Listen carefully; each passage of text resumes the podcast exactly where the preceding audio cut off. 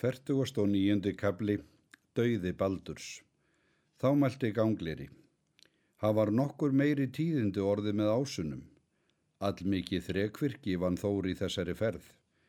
Hársvarar, vera mun að segja frá þeim tíðindum er meira þótti verðt ásunum.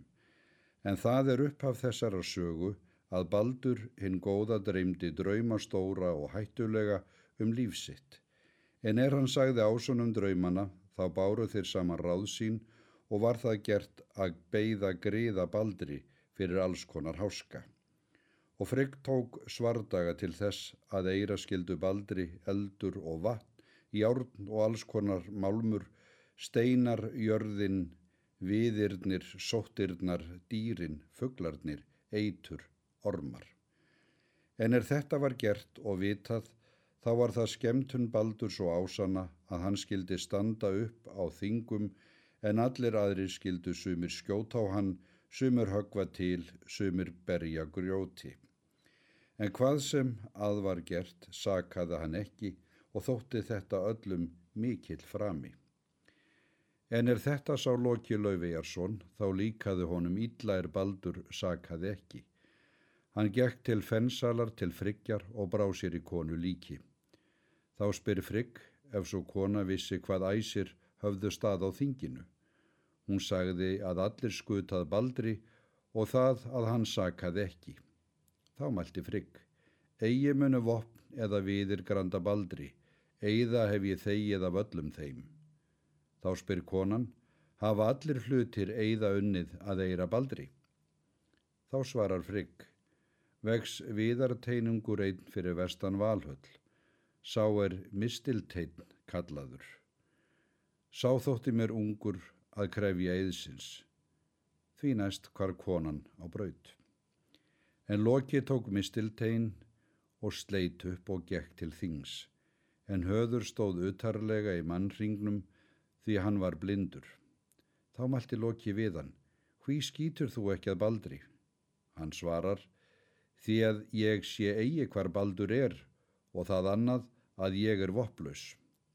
Þá mælti Loki, gerðu þó í líking annara manna og veit baldri sæmt sem aðrir menn, ég mun vísa þér til hvar hann stendur. Skjót að honum vendi þessum. Höður tóku mistiltein og skautað baldri að tilvísun Loka. Flaug skotið í gegnum hann og fjallan dauður til jarðar og hefur það mest óhapp verið unnið með góðum og mönnum.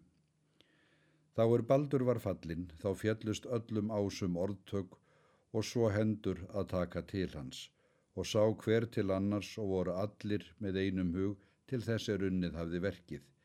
En enginn mátti hefna, þar var svo mikil gríðastadur.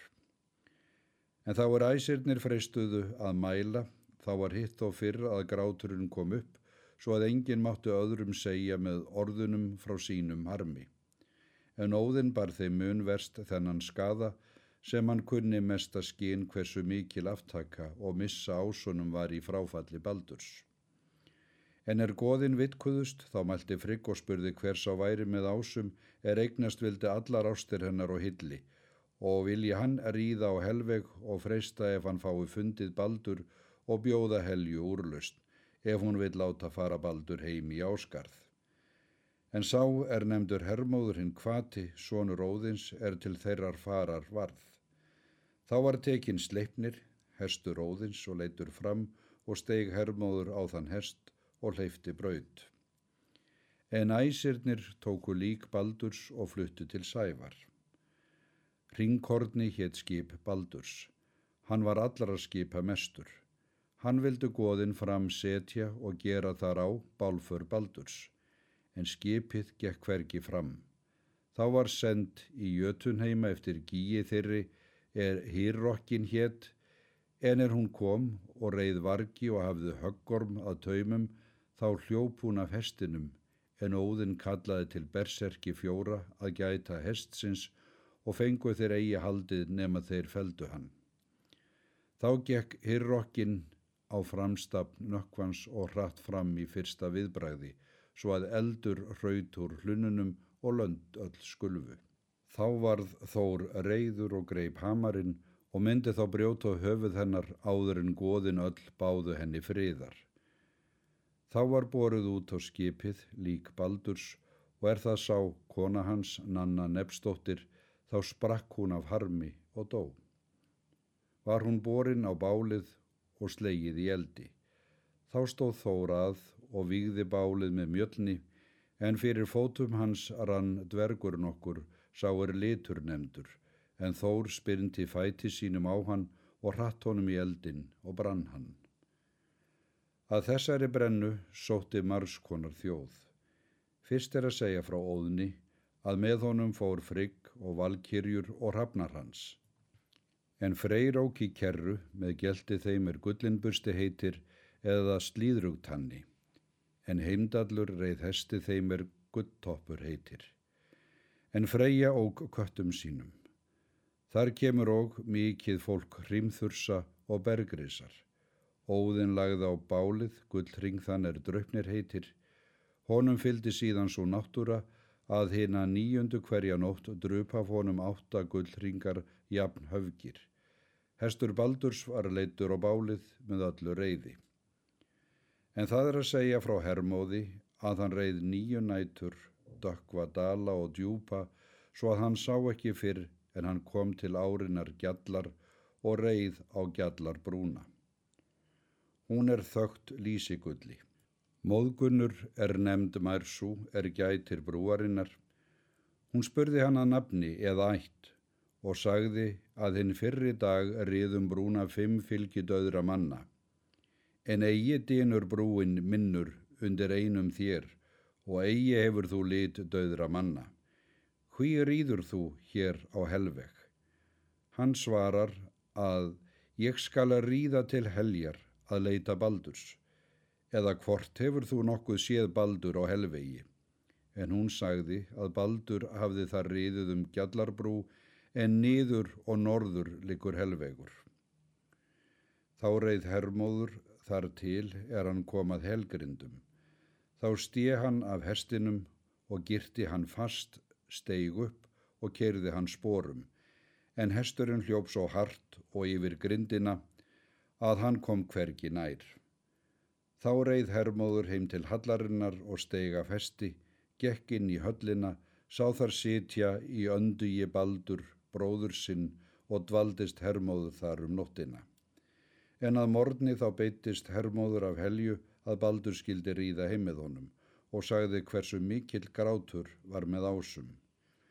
En hel sagði að það skildi svo reyna hvort Baldur var svo ástsæl sem sagt er og ef allir hlutir í heiminum, kvíkjur og dauðir, gráta hann, þá skal hann fara til ása aftur, en haldast með helju ef nokkur mælir við eða villegi gráta. Þá stóð hermóður upp en baldur leiðir hann út úr höllinni og tók hringin draupni og sendi óðni til minja. En Nanna sendi frigg rifti og enn fleiri gjafir. Fullu fingurgull, þá reið hermóður aftur leið sína og kom í áskarð og sagði öll tíðindi þau er hann hafði séð og heyrt. Því næst sendu æsir um allan heim erindreka að byggja að baldur væri grátin úr helju en allir gerðu það, mennirnir og kvikindin og jörðin og steinarnir og tríi og allur málmur, svo sem þú munt séð hafa að þessir hlutir gráta þá er þeir koma úr frosti og í hita. Þá er sendimenn fóru heim og hafðu velreikið sín erindi finna þeir í hellin okkurum hver gígur satt. Hún nefndist þökk. Þeir byggja hann að gráta baldur úr helju.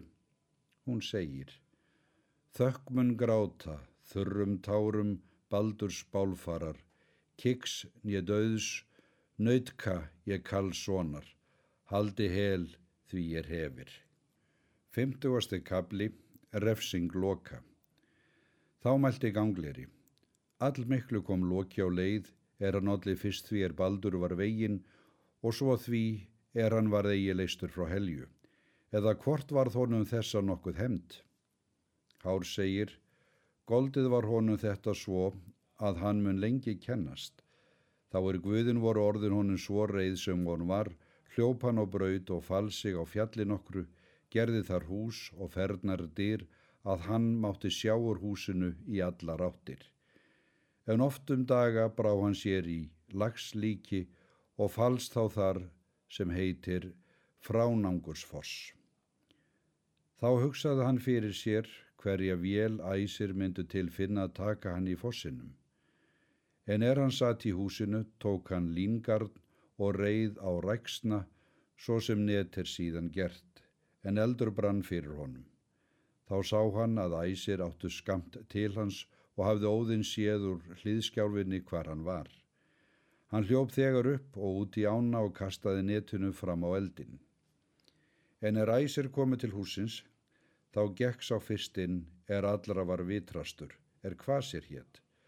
Og er hann sá á eldinum fölskvann, er netið hafði brunnið, þá skildi hann að það myndi vél vera til að taka fiska og sagði ásunum. Þínast tóku þeir og gerðu sér net eftir því sem þeir sáu á fölskva að Loki hafði gert.